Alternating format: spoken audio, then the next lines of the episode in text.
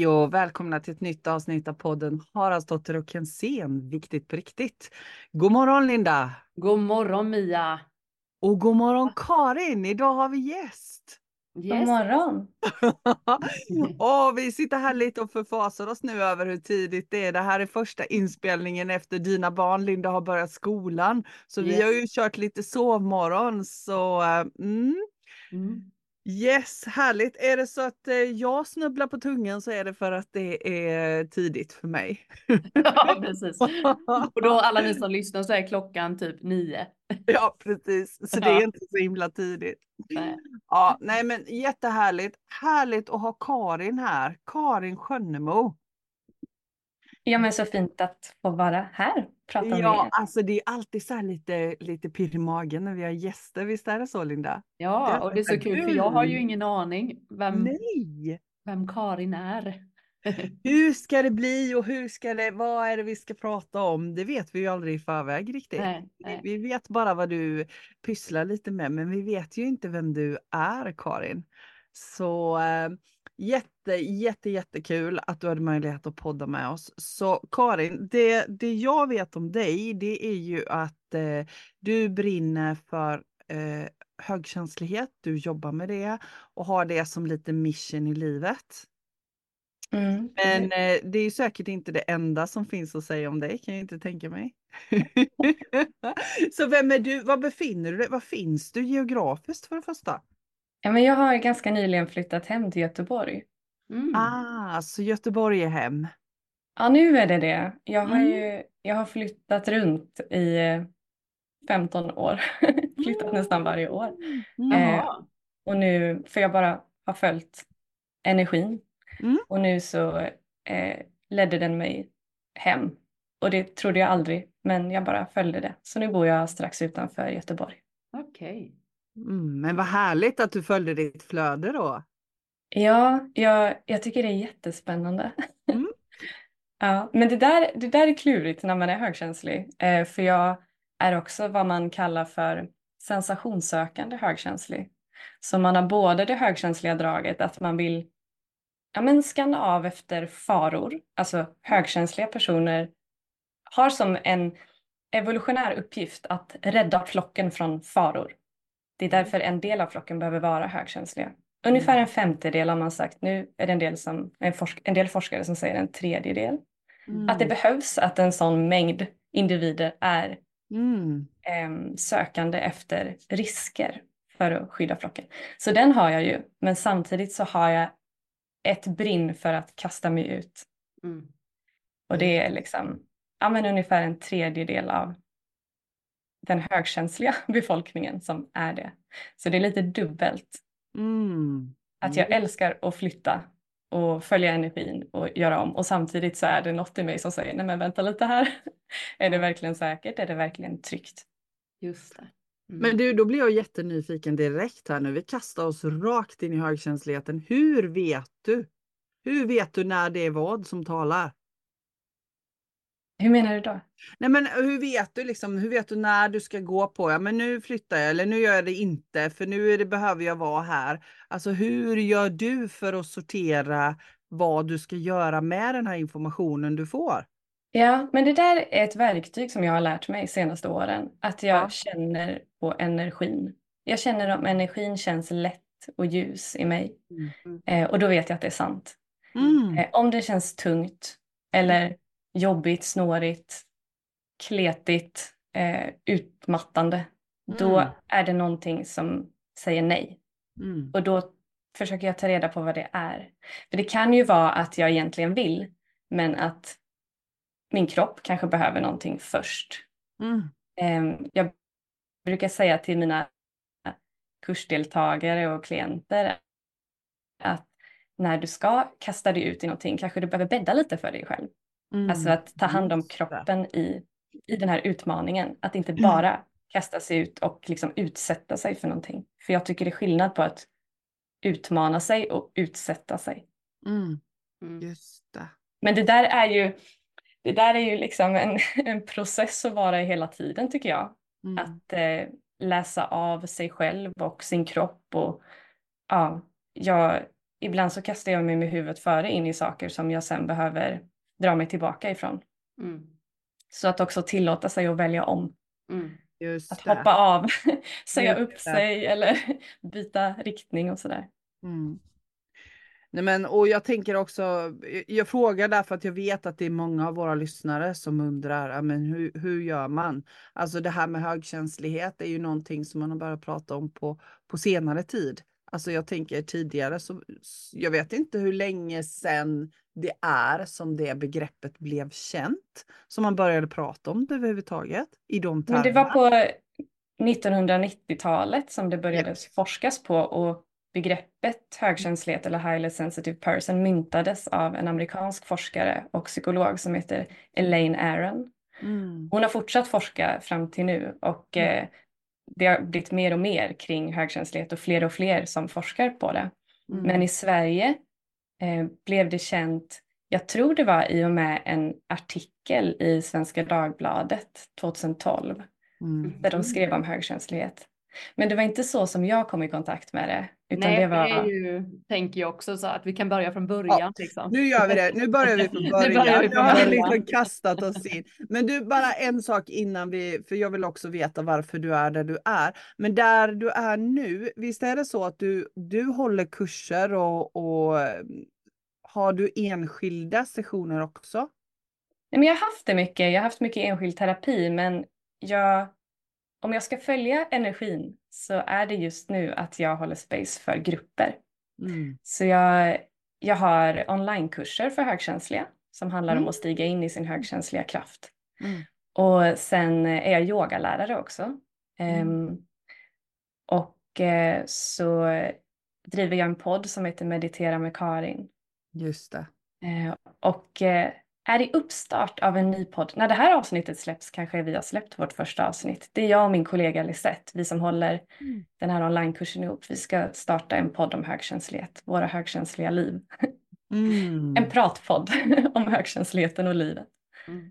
Wow, och jag tänker att alla de här sakerna kommer vi lägga i texten. Vi kommer lägga länkar till eh, dina poddar och eh, dina klasser och, och, allt sen på slutet. Mm. Men du, varför är du där du är? Det, jag tänker att det har tagit ett tag för dig att förstå att du är högkänslig. Ja, jo men det har det. Alltså jag, mm. jag är född högkänslig, mm. eh, för det är man. Och man kan ju vara mer eller mindre högkänslig, mm. men under livet så tror jag att min högkänslighet har finslipats utifrån min uppväxt.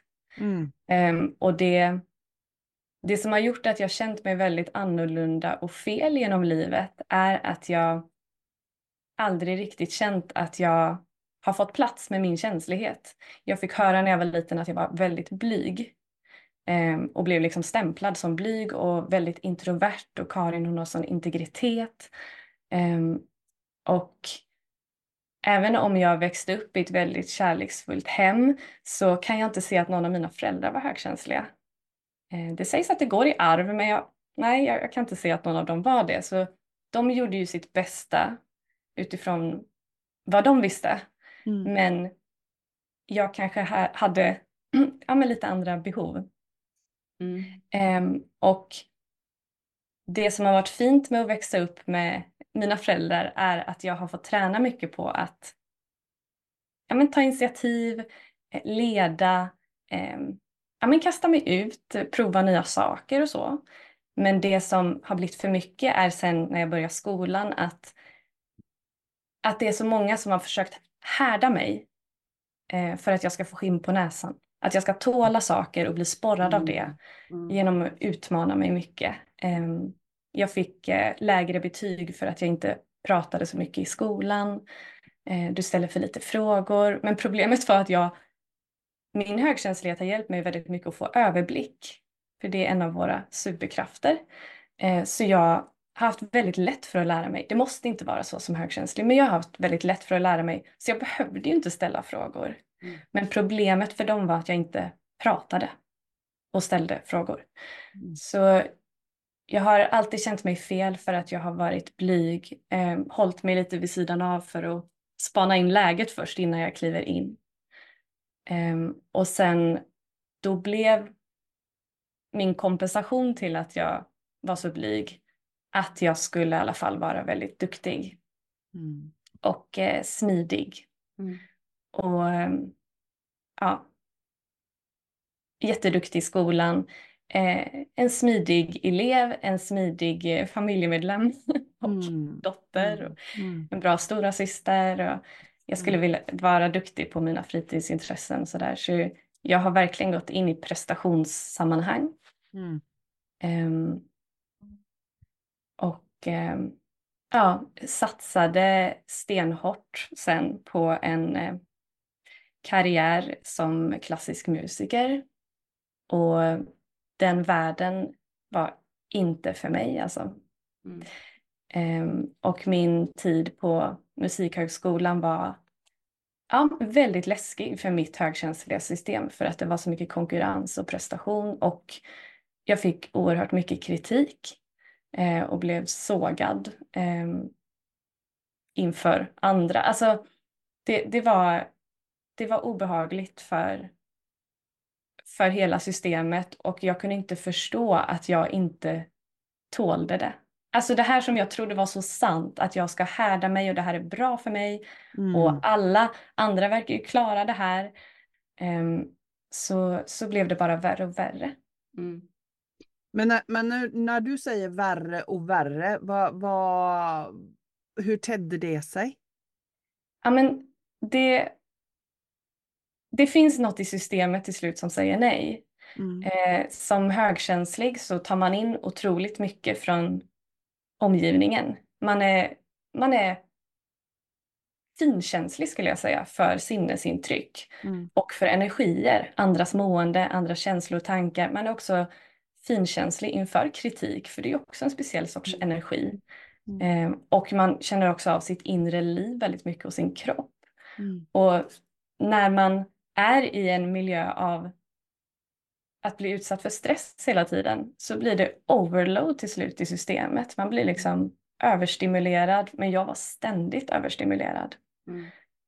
Och det där, nej men det pallade inte mitt system till slut så jag gick in i en existentiell kris kallar jag det. Mm, just det.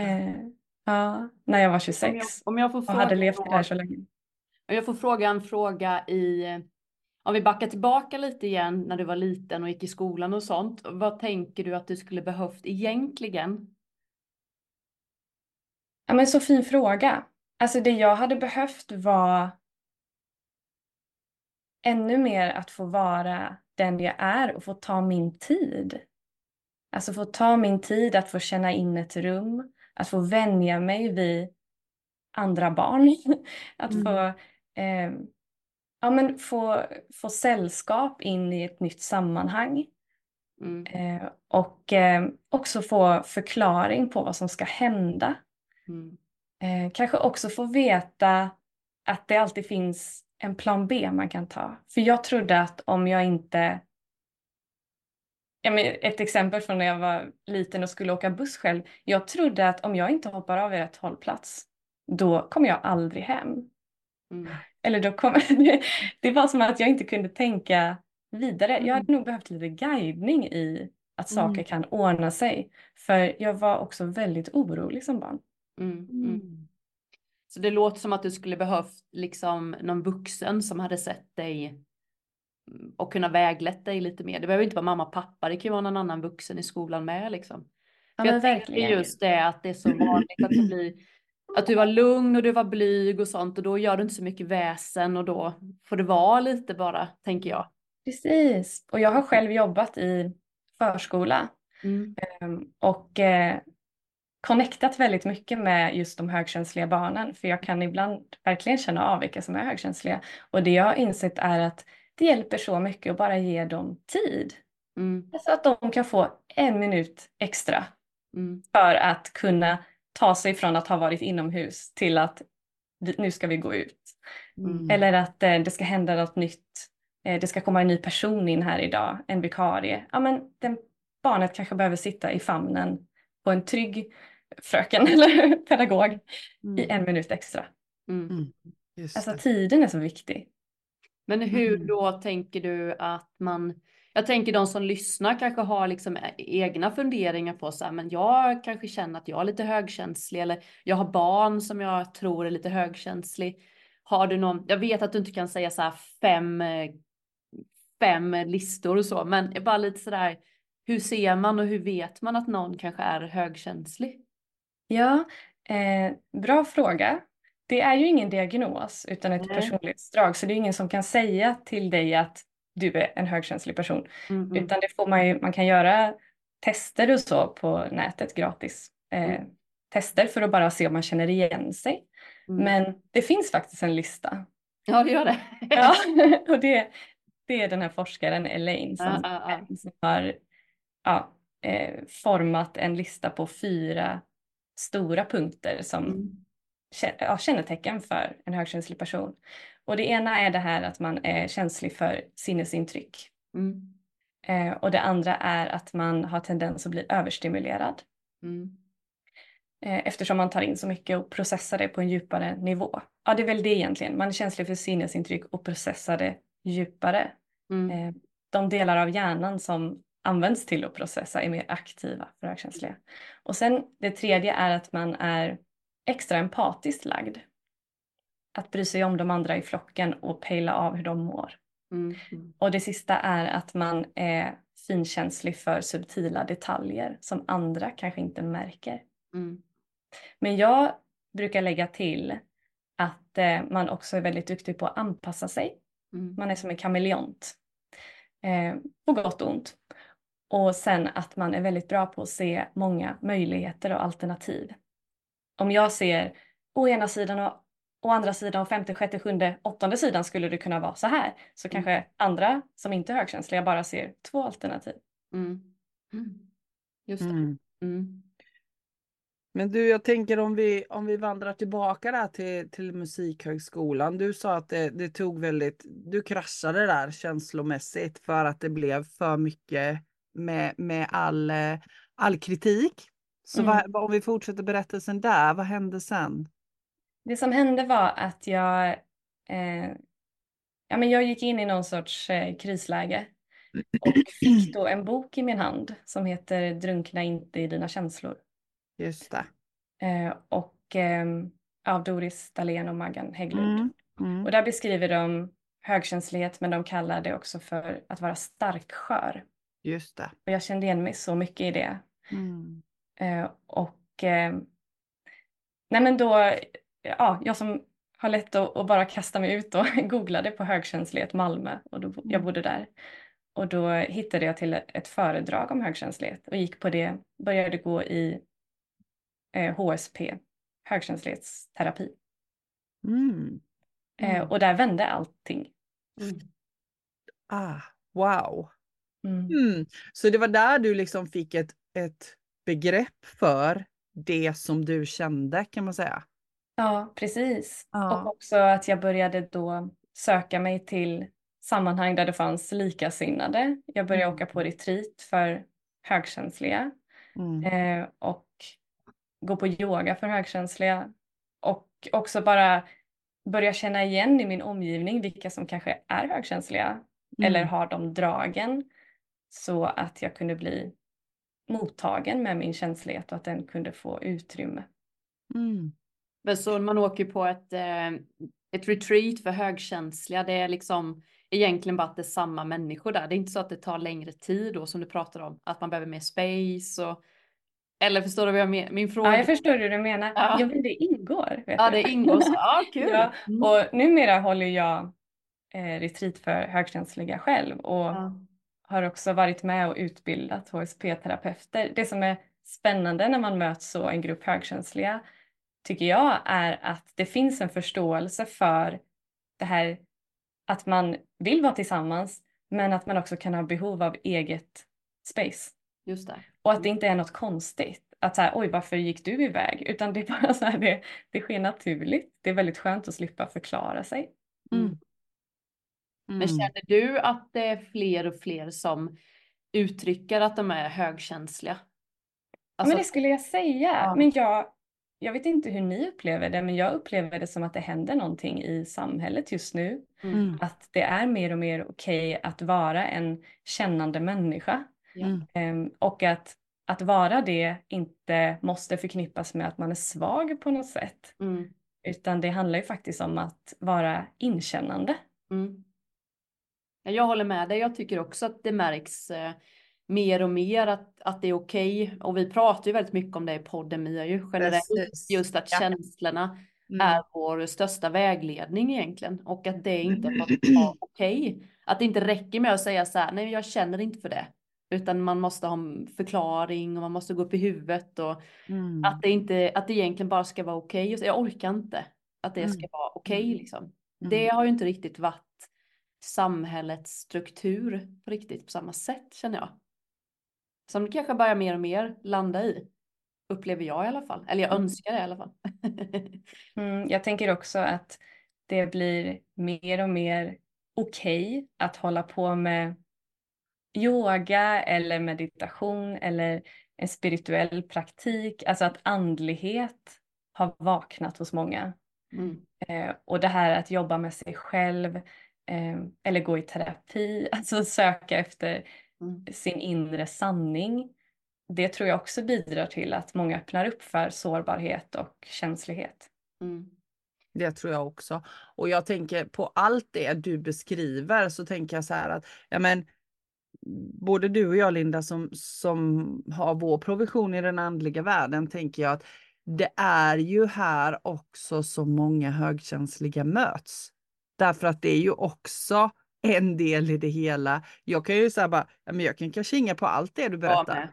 Ja, så, så det är liksom inget, det, ja, och det vet jag, jag har också det personlighetsdraget. Och jag tror att många som söker sig till mig och Linda har det personlighetsdraget. Ja. Därför att det finns inte så många andra sätt att ta hand om det idag där vi bor. Vi bor ju ganska på landet, både jag och Linda. Eh, men det kanske är mer så att man delar upp det i storstäderna med högkänslighet och, och andlighet, medialitet. Men här tror jag att det går lite under samma tak. För när du beskriver så tänker jag att, nej men gud, det är många av dem som går kurser hos mig som, som jag skulle säga att, ja ah, men mm, kollade de på det så skulle det nog vara många av dem som, som, som kunde ha personlighetsdraget eh, högkänslig. Mm. Det är mm. intressant att du säger det för att det här med medialitet för att man kan vara högkänslig på olika sätt. Ja, jag tänker ehm, Man kan till exempel vara väldigt finkänslig för andra energier, andra dimensioner. Det är liksom en, en del i det eller klärvoajans eller mm. så. Mm. Eh, men sen kan man vara högkänslig mer på ett fysiskt sätt, att man känner av sin Absolut. kropp väldigt mycket eller känslig mm. för värme, kyla, hunger, mm. smärta. Eh, eller så kan man vara högkänslig ännu mer på det här med empatin. Yep. Att yep. Ja, bry sig mycket om andra och sådär. Mm. Eh, men oavsett vilken typ av högkänslighet man eh, har så skulle jag säga mm. att det viktiga är ju vad man gör med den. Precis. För att må bra. Mm. Kan inte ni känna också att det blir en liten balansgång i det här med alla diagnoser som hålls som det pratas mycket om nu också, det här med ADHD och det finns ju massa olika, jag kan inte detta. Men jag kan ju känna också att även där finns det ju en högkänslighet i den personlighetsdraget också. Kan jag uppleva, ja, just med intrycken och att man kan få så mycket intryck så man vet inte vad man ska göra och då blir man arg eller man blir Ja, ni vet att det förvandlas om till olika uttryck liksom, att det hänger väl också lite ihop, eller? Jag, jag tänker... Ja, alltså jag, jag får ganska ofta frågan hur man, hur man vet skillnaden på högkänslighet och ADHD eller högkänslighet och det autistiska spektrat och sådär. Eh, men som sagt, högkänslighet är ju ett personlighetsdrag mm, och det. det som är gemensamt som du säger, alltså det här med finkänslighet för intryck och så. Mm. Man skulle väl kunna säga att det Alltså att det här när, när det blir för mycket i systemet, Mm. Att, det, att det blir, att man blir överstimulerad och överbelastad. Mm. Eh, att det kan vara likhet. Men sen finns det så mycket annat som inte är likt. Mm. Såklart. Mm. För, för jag tänker lite, det, när jag hör dig prata just om yogan och det här, eh, om meditation och sånt. Vi har ju, jag kan uppleva det att det ligger ju inte naturligt i våran kultur riktigt. att det ska ingå i en, va i en vardag. Det här med att sitta och dagdrömma eller sitta och inte göra något, utan det är ju tempo från att man vaknar och så är det liksom fullt fräs på jobbet, kanske 8-9 timmar och sen så hem och så ska man träna, så ska man personligt utveckla sig och själsligt utveckla. Alltså det finns ju så många sådana.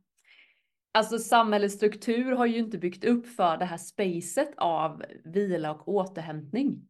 Tänk, tycker jag, naturligt, utan vi måste gå någonstans för att göra det. När det egentligen ska vara naturligt i vardagen. Ja men verkligen. Och det är därför som jag har typ skapat mig en värld i världen. Exakt, för, för det som har hjälpt mig vidare efter att jag förstod att jag var högkänslig och började lära mig mer om det, det är ju verkligen att börja välja det som funkar för mig. Exakt. Att eh, berätta för mig själv att jag måste inte klara av mm. att vara i alla sammanhang och det gör inte mig svag på något sätt utan det är en styrka att fortsätta följa sin energi mm. och, och, följa det man dras till. Mm. Så ja men nu till exempel sitter jag i mitt sovrum och jag har gjort det lite som en mini-yoga-studio för jag, jag mår så bra av att, att, det, att det är lugnt eh, mm. i mitt rum. Mm. Eh, eller att jag umgås med många likasinnade. Jag har sökt mig till sådana sammanhang aktivt. Mm. Eh, jag har inte ett eh, jobb där jag måste följa tider på det sättet som många har för jag, jag känner inte att jag mår bra av det. Exakt. Mm. Och då kommer vi in på det här med valet igen. Mm. Att kunna välja sin, sin vardag på något sätt. Ja, verkligen. Hur har den resan varit då? Ja, men den har varit eh, intensiv kan man säga. Att eh, släppa min identitet som musiker och mm. eh, det där raka spåret vi hade till att eh, börja ta kontakt med min intuition mm. och känna in vad jag, vad jag verkligen mår bra av. Mm. Eh, och jag, jag var på en föreläsning, det var i, i samband med att jag hade den här högkänsliga uppvaknandet, mm. eh, där eh, föreläsaren sa att man kan säga att vi människor är som små popcornkärnor. Om man lägger en popcornkärna i en kall miljö så poppar den inte. Yes. Men lägger man en popcornkärna i en varm miljö så poppar den. Och du måste lägga dig själv i en varm miljö så att du får poppa. Mm. Åh, vad eh. vackert! Ja, visst är det fint? eh, och jag älskar det. Alltså det där är mm. typ mitt motto. Det har jag följt och fortsätter följa. Att jag, jag kan inte begära av mig själv att jag ska blomma ut i en kall miljö. Mm. Så, och eftersom jag längtar jättemycket efter att blomma ut mer och mer, då behöver jag skapa förutsättningar för det. Mm. Eh, och det är det jag gör genom att ja, men välja hur jag vill bo, eh, eh vart jag vill bo, vad jag mm. vill jobba med, eh, ja, vilka spår jag ska följa i livet, eh, vilka människor jag ska omge mig med. Jag behöver få vara i sammanhang där jag poppar. Så din mm. högkänslighet har nu gått över till ditt bästa verktyg? Ja, alltså jag tänker inte så mycket på att jag är högkänslig, för Nej. det är inget problem Nej. i mitt liv. Nej. Eh, sen kan det ju vara överväldigande ibland, men jag ser det mer som att det ingår. Att jag, det är mer som en information. Okej, okay, nu har jag varit i en rörig miljö. Jag, jag tar en ledig dag och eh, landar i mig själv, går ut och går i skogen eller sådär. Mm. Men det är bara en del av, av min vardag. Ja. Jag, förut så, så hade jag en idé om att jag måste KBT bort min känslighet. Mm. Eh, och det, det verkar vara många högkänsliga mm. Som, mm. som tror det. Eller som får höra det. Eh, mm. men det är mm. inte längre något som jag vill göra för nu jag, alltså jag är så lycklig över att kunna känna så mycket. Det är som att jag lever mitt liv i ett bredare register. Mm. För du tillåter dig att vara den du är ämnad att vara. Det är ju det som är grejen. Men, men när jag hör dig så tänker jag, det är helt fantastiskt. Jag tänker, jag hoppas att alla ni tittar på Youtube så ni ser hur mycket det strålar om Karin när hon beskriver detta och sitt liv. Men jag, jag känner så här, jag möter så många som, som bara längtar efter att få leva så som du gör. Så jag, jag tänker om vi backar här nu. Det är någon som är högkänslig, men som absolut inte är där, där du är, där du har kommit fram till att nej men jag kan inte leva på något annat sätt än att bejaka allt det jag behöver och ta bort det jag inte mår bra utav. Men, men om man står där och känner bara så här, nej men det är helt fel, jag är på fel plats, jag, jag är på fel arbete, det är för mycket intryck.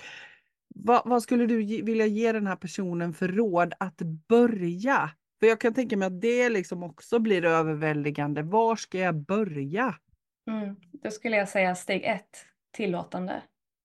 Att eh, se det som är att okej, okay, nu är det så här, jag trivs inte på min arbetsplats, jag trivs inte där jag bor, det är för rörigt, det är för mycket, jag orkar inte mm. mer. Mm. Okej, okay, bra information. Det betyder att det finns något annat som jag längtar efter mm. och därför blir det skavigt. Det går mm. inte ihop med hur det ser ut i verkligheten, det som jag vill. Bra information, döm inte dig själv för att du har det så. Mm. Eh, det är inte ditt fel, det har, det har du liksom gått in i, hamnat i eller skapat omedvetet för att du har trott att du behövde det. Mm. Eh, och, eller att du har bara följt strömmen. Det är också okej. Okay. Du är alltid okej. Okay. Mm. Så skicka kärlek till dig själv eh, och se det som bara neutral information. Och sen gå till vad du längtar efter. Alltså gå till det i tanken. Mm. Men hur skulle jag vilja att det var om det inte fanns några hinder, om allt är möjligt? Alltså att tillåta dig att drömma jättestort. Mm. Det är så många människor som inte tillåter sig ens att drömma stort. Um, jag brukar säga till mina deltagare om du känner att det är ett hinder att drömma stort, att du till exempel har småbarn, låtsas att du inte har småbarn och dröm stort. Det handlar inte om att du ska släppa dina barn, utan vi behöver bara släppa mm. allt för att komma till den nya informationen. Mm. Hur vill du ha det i ditt liv? Vad är det du längtar efter mest av allt? Och sen behöver det inte bli så rent konkret om du längtar efter, ah, jag vill bara släppa allt och, och flytta till andra sidan jorden. Nej, men vad är det för känsla du längtar efter där? Vad är det för energi? Hur skulle du känna om du var där? Ja, men då skulle jag känna mig helt fri, jag skulle känna mig lugn. Ja, men då är det den nya informationen. Du längtar efter frihet och lugn. Hur kan du ta emot det mer i din vardag som den ser ut nu? Med dina barn eller med ditt jobb eller vad det än är. Mm. Så att, att plocka ner ny information. Men sen också bara börja söka dig till nya sammanhang. Det måste inte vara att du tar dig ut och liksom letar vänner på stan. Men det kan vara att du börjar följa på sociala medier någon som pratar om någonting som du blir inspirerad av. Mm. Eller läser en bok om högkänslighet eller eh, någon spirituell bok eller vad, vad den är du längtar efter. Eller en bok om att eh, få vara fri. Mm. Men det var väl två jättebra steg för jag, jag kan liksom bara eh, känna igen hos många som kommer till mig. Men gud, vad ska jag börja då? Mm. Var ska jag börja? Jag vill bara inte vara här, men var ska jag börja? Så mm. det var två jättebra tips. Men, men jag har en annan fråga, för jag tänker så här, den här resan, jag kan ju tänka mig att för din omgivning, din familj, så måste det här också ha varit omvälvande. Hur, hur gick det? Hur, hur har det liksom varit du i förhållande till de som du har haft närmast dig? Ja, ja det, kanske har varit omvälvande. Jag har liksom alltid varit en sökare och gått mm. i alla möjliga sorters terapier och behandlingar så, här, så de är nog ganska vana vid att jag utforskar en massa. Mm. Men eh, de har ju också sett mig må riktigt, riktigt dåligt. Mm. Eh, så, och liksom stängt av mig själv känslomässigt under tonåren och sådär. Och också att jag har kämpat så mycket under musikhögskoleåren och sådär. Så även om de alltid har stöttat mig så, så tror jag att de är väldigt glada för min skull, att jag mer har hittat min väg nu. Mm. Eh, men det som har mer varit smärtsamt för mig är väl att i och med att jag släppte en hel värld jag hade levt i så mm. var det också många vänner som jag behövde mm. släppa. Mm. Som inte var som inte riktigt var med på att jag förändrades. Just det. Men var brytpunkten då där vid Musikhögskolan? Det var där som är din brytpunkt liksom? Ja, jag gick i väggen några dagar efter jag hade tagit examen. Just det. Och då behövde jag verkligen börja sortera i vad jag har omkring mig i mitt liv. Mm. Mm. För jag bestämde mig direkt för att jag ska bli frisk mm. och må bra igen. Och då behövde jag göra om ganska mycket i livet. Var, Bland annat Vilken ålder är du i då ungefär då? Ja men då var jag strax före 30. Mm. Just det. Mm. Mm. Så det är inte så länge sedan för jag är 34 nu. Ja men precis, jag tänker man lever ett där liksom i någon, försöker hitta sig själv, liksom brukar vara där någonstans. Ja men det var min eh, eh Saturn return. ja precis. Just det, såklart. Ja. ja. Men jag kan, ju, jag kan ju förstå jag vill ändå, för jag, jag kan ju känna att jag har ju absolut ett barn, eh, mitt egna barn är ju absolut högkänslig. Det har jag sagt innan med min mellersta, hon får ju, känner jag väldigt mycket sådär. Det är ju svårt och nu när du säger sådär med att pusha och sånt, det är ju svårt som förälder när man så vill någonting och den personen, hon vill verkligen inte. Ibland, fast jag som vuxen och som förälder kan se att du kommer tycka att det är kul sen. Men när du säger då det här eh, att hon behöver lite mer tid. Det tar jag med mig att man kanske kan då till ett högkänsligt barn säga nu funderar vi på detta. Skulle det här vara intressant? Och sen att det får vara en stund då. Att den får känna in det lite. Är det en bra tips för ja, men det skulle jag säga. föräldrar jag också... eller lärare som har just de här barnen? Ja men precis. Och jag skulle säga att eh, jättefint att ja, bädda lite inför en förändring. Men samtidigt ska vi inte överbeskydda högkänsliga barn.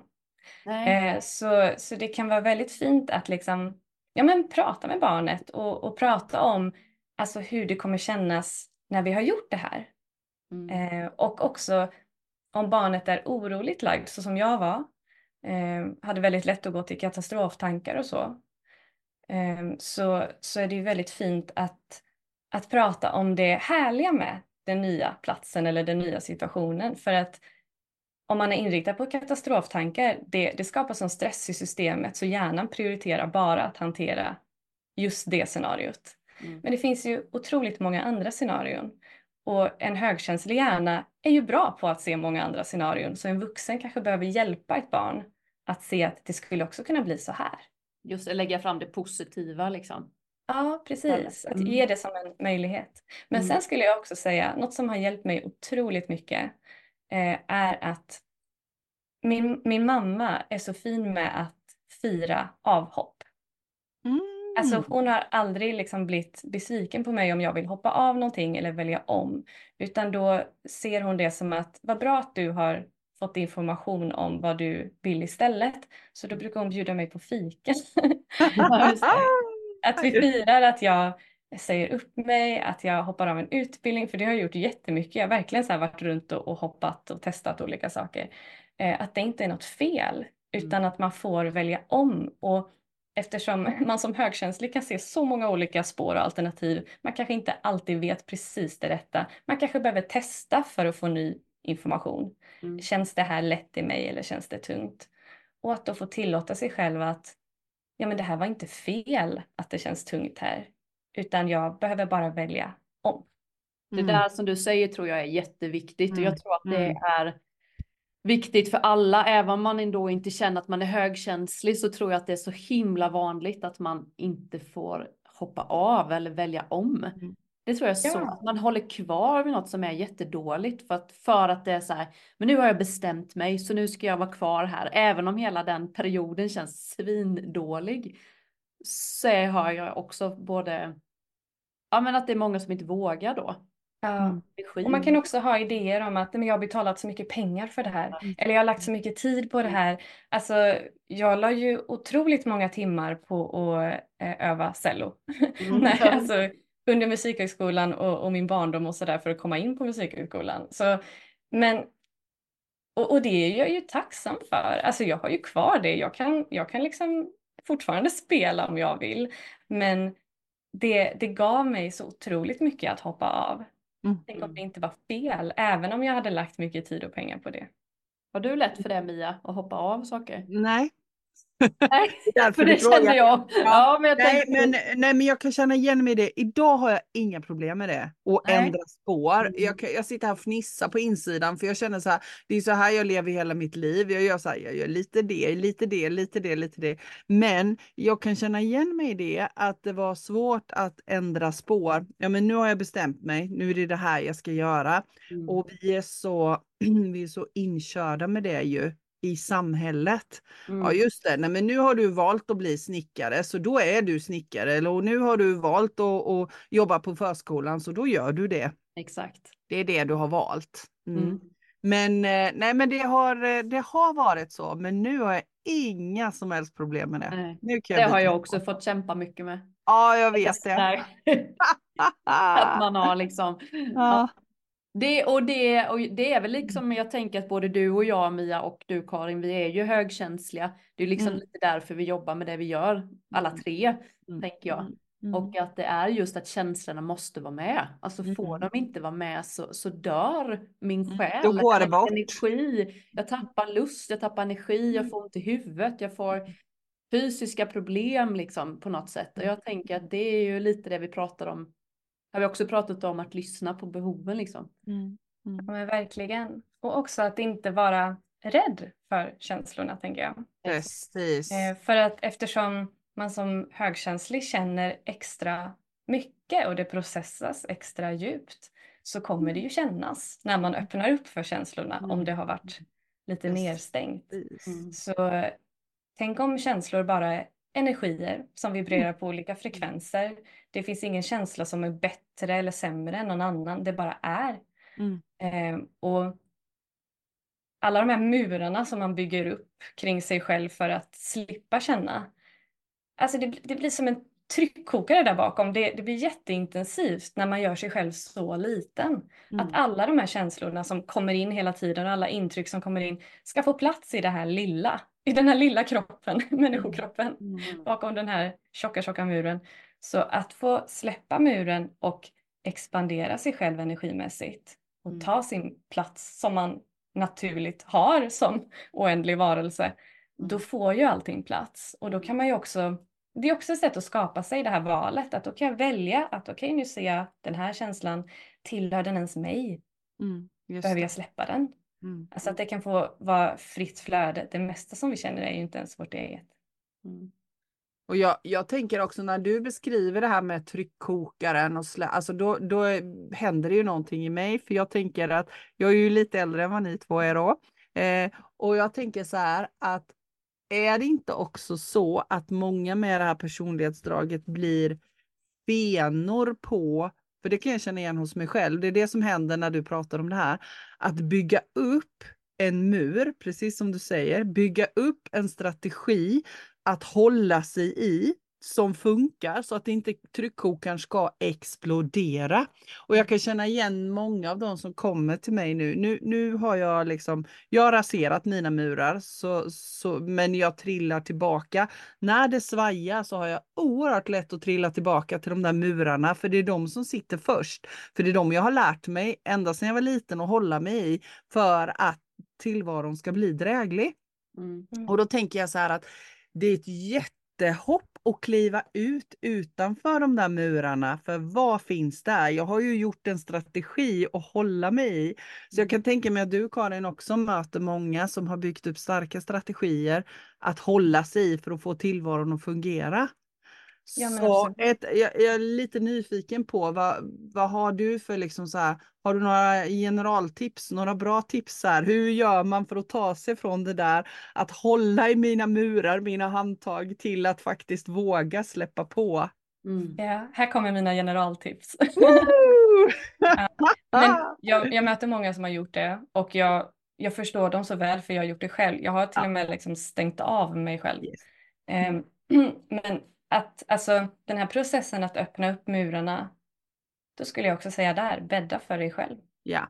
Alltså öppna inte upp dem om du är i en kall miljö eh, bland människor som dömer dig eller som Precis. inte tar emot dig utan jag har övat på att sänka murarna i högkänsliga sammanhang för där har jag trivts bra. Yes. Alltså till exempel på retreat för högkänsliga eller någon kurs mm. för högkänsliga. Att jag vet att de andra eh, tar emot mig.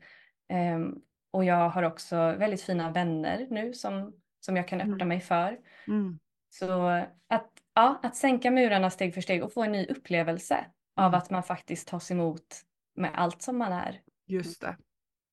Eh, och det som är fint när man börjar sänka murarna mer och mer är att så småningom så kan man släppa dem helt, även i miljöer som inte är ja, så, så bekväma att vara i. Eh, och då, för numera, jag, jag blir väldigt låst av mina murar som jag hade. Så mm. numera så väljer inte jag att ta upp dem eh, i kalla miljöer heller, utan jag, jag är helt öppen mm. och expanderar ut mig själv för att då jag Oj. får så mycket information då. Jag får tillgång till alla mina högkänsliga gåvor och skills att kunna känna mm. av och känna in. Och då kan mm. jag välja, ja, det jag känner in nu, passar det för mig? Finns det någonting som min kropp behöver? Ja, jag känner av min kropp, nej men jag behöver gå på toaletten och fastnar ni som inte ja. bara tar några andetag eller jag, jag kommunicerar ärligt här vad, vad jag ska göra eller ja. vad, vad jag behöver. Ja, mm. så, så det där det där får du ju tillgång till mm. om du är dig själv och i ditt ljus, i din kraft utan murar. Mm. För har du murar säger du nej till allt, även Precis. det som är härligt. Precis. Och du jobbar bara med att hantera stress. Mm. Skulle ni kunna ge ett exempel liksom? Jag fattar lite vad ni menar, men jag tänker om man inte riktigt fattar så fattar man inte med murar och sänka murar. Skulle ni kunna ge ett exempel? Tror ni? Ja, alltså så som, som jag har haft det innan är att om jag till exempel är tillsammans med en person eller möter en grupp människor där jag är rädd för att bli dömd mm. eller jag får kritik från någon, då drar jag ihop mig. Alltså jag krymper mig själv, gör mig jätteliten och så mm. blir det som att jag energimässigt ger taggarna utåt. Jag blir misstänksam och skeptisk mot mm. dem. Eller mm. jag vill sjunka ner genom jorden, gömma mig, fly. Mm. Eh, för mig är det mm. muren. Just det. Och för mig var det så, den här, den här finns inte kvar hos mig längre, men för mig var det så. Med min högkänslighet så läste jag in vad som förväntades av mig och så var jag den som förväntades för att passa in, för att, få, för att vara liksom okej. Okay. För jag kände i hela mitt väsen att det... Kunde du säga saker in. som du kanske Ja, jag, jag kunde säga, säga saker om jag, jag kunde förstå vad du ville att jag skulle säga och så sa jag det. Och det, känns, och det var inte alls i samklang med dina nej, värderingar? Nej, nej, nej, nej, nej inte överhuvudtaget. Utan nej, nej. då läste jag in, det var min, det var min superkraft. Jag läste in, men då gjorde jag ju också våld på mig själv och det var ju en, en en mur för att liksom skydda mig själv. Men om jag liksom är, är säger det du vill höra så, så, så har jag min mur. Mm. Då är den stadig. Mm. Så, så hade jag hela min skoltid. Mm. mm. mm. Ja, det där är ju en fantastisk förmåga vi har egentligen som högkänsliga, att kunna känna in och känna av andra. Mm. Och också anpassa oss, alltså vara kameleonter för det gör ju också att, alltså om vi vänder på det till något mer härligt mm. så gör det ju också att vi kan ha en otrolig förståelse för andra människor. Precis. Och det är många högkänsliga som blir väldigt härliga att vara med. Alltså man, mm. man är behaglig att vara med för att, eh, ja, för att andra känner in att här är en person som, som, ja, som inte dömer mig eller som en varm person eh, eller här en person som förstår olika typer av människor. Mm. mm. Så det, det, är ju inte något dåligt att kunna anpassa sig. Vi behöver bara så här reglera det reglaget lite. ja, och idag, idag använder jag ju det i alla mina kurs och terapeutsammanhang. Det är ju en av mina största superkrafter. Men idag gör jag ju inte det utav för att skydda mig. Då är det inte för muren, utan nu är det från hjärtat liksom. Mm. mm. Ja, det, det, här är ett jätteintressant ämne. Och, och jag tänker så här, Karin, vad, finns det fler saker som du, för tiden går ju så himla fort. Finns det fler saker som du känner så här, men det här vill jag gärna prata om innan vi avslutar, eller det här vill jag skicka med, eller det här känns viktigt? Det som dyker upp nu är att det viktigaste egentligen som jag lär ut till högkänsliga och som jag har använt för mig själv och fortfarande använder varje dag, det är att ta emot sig själv i mötet med allt annat. Mm. För att som högkänslig är det lätt att vinkla ut sina tentakler utåt alla andra, känna in alla andra, ta ansvar för andras mående. Om bara alla andra mår bra så kan jag må bra. Eller jag måste rädda världen för att jag ska må bra. Då har man liksom lämnat sig själv mm. i mötet med allt annat och det kommer ta av ens energi. Det var ju det som gjorde att jag blev utbränd. Jag hade ju lämnat mig själv. Mm. Men om du vinklar några tentakler in mot dig själv, alltid, då kan du ta emot dig själv i mötet med allt annat. Och rent konkret kan det vara att du känner av dig själv. Alltså du känner samtidigt som du möter någon din kropp. Mm. Känner ditt andetag, känner kanske mm. fötterna på jorden eller mm. eh, bara är medveten om din egen energi samtidigt som du möter någon annans energi. Och där emellan att du känner av någon annan och att du agerar på det, tar ansvar över det eller ah, hjälp går upp i katastrof. Där har du egentligen lite tid. Emellan det du är medveten om och det du agerar på, där har du tid. En spricka i tiden där du kan ställa dig själv en fråga. Vad behöver jag just nu? Mm. Känns det lätt i mig att gå in här och hjälpa till eller göra någonting med det här? Om det känns lätt, gör det. Känns det tungt på något sätt, då mm. kan du vara säker på att det inte är din uppgift. Mm. mm. Eller att du behöver någonting först innan du antar uppgiften. Mm. Den tiden, det är det som har gjort mig frisk. Wow. alltså att, att, ge, att ge sig själv ett val. Och att välja för sig själv, det är inte egoistiskt. Utan det är nödvändigt. Mm. För att du ska vara så påfylld så att det liksom flödar över till andra sen. Mm. Så ja, det är viktigaste verktyget. Ta emot dig själv i mötet med omgivningen. Mm. Wow, jättefint. Verkligen. Mm. Mm. Härligt, vad fint. Ett viktigt ämne tänker jag. Och som sagt var, vi kommer att lägga ut kontaktuppgifter till dig i texten eh, till den här, eh, det här poddavsnittet. Och eh, jag tänker att det kommer säkert att vara människor som, som vill ta kontakt med dig efter avsnittet. Mm. Mm, det är så välkommet. ja. Eller gå in och lyssna på dina poddar. Jag blir jättenyfiken på din, eh, den här eh, podden som du pratar om tillsammans med den här tjejen. Mm, precis. Mm. Våra högkänsliga liv. Ja. ja. Och eh, ja, man hittar mig på min hemsida Känsligt liv. Ja, mm, precis. Mm. Härligt. Härligt. Tack ja. snälla Karin för att du ville vara med oss och podda denna fredagsmorgon. Ja, tack för samtalet med er. Så fint. Härligt. Så stort tack Linda, Karin, alla som lyssnade. Eh, ha det så bra. Ja, detsamma. Hej då. Hej, hej. hej.